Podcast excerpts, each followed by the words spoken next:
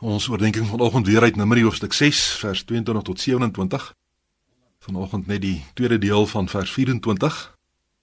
Die Here sal jou behoed. Tema van die oordeenking: God bekragtig jou ook deur jou in die harde realiteite van die lewe te beskerm. Ons lê vanoggend op die volgende punt van die priesterlike seën wat die Here op ons lê deur sy geroepe knegte. Die versekering naamlik dat hy buiten dat hy ons bekragtig deur ons te seën, ons ook behoed of beskerm al is ek hoe gemotiveerd en doelgerig, is dit ook so dat dinge soms vir ons net te veel word. Daarom gee die Here saam met die bekragtiging wat hy aan ons gee deur die Gees ook sy beskerming. Maar hoe gebeur dit dan? Ten eerste boet hy ons deurdat hy beskik oor ons beproewinge. Hy maak die beproewing wat hy oor ons toelaat so pasklaar dat ons nooit bo ons kragte beproef word nie. Tweede plek beskerm die Here ons ook deur aan ons sekerheid te gee oor die erfdeel wat vir ons wag wat ook al daar op my pad kom, ek word daardeur gedra en bewaar totdat ek die erfenis van heerlikheid uit die hand van die Here ontvang.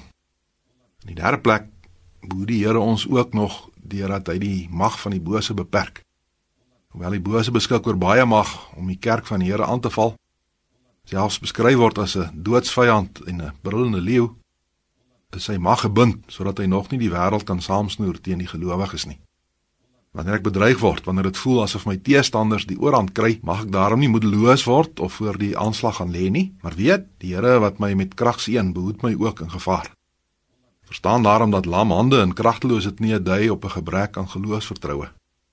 Wie versmag van vrees omdat hy of sy kragteloos en weerloos voel teenoor die wêreld, versuim om die seën van die Here toe te eien.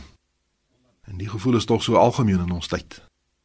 Daar is skaars 'n gesprek waar die vrees en weerloosheid van ons mense nie weer klink nie laat ons ons dan bekeer van ons vrese, van ons kragteloosheid en ons gevoel van weerloosheid. En bekeer beteken om finaal daarvan weg te draai en die vrees te vervang met vertroue en kragtige optrede. Dit beteken ook om voortaan onder hierdie seën en beskerming van die Here te lewe. Amen. Ons bid saam. Ons Vader in die hemel, dikwels voel ons nie kragteloos teenoor die dag wat voor ons lê nie. Ons voel weerloos teen die aanslag van die lewe. Daarom is ons gebed ook vanoggend begenadig ons met geloof. Gee ons die geloof om staande te bly, maar ook die gehoorsaamheid om ons te bekeer van ons vrese, van ons kragteloosheid. Om daarvan weg te draai sodat ons in u diens kan staan ook in hierdie dag. Dit bid ons uit genade uit. Amen.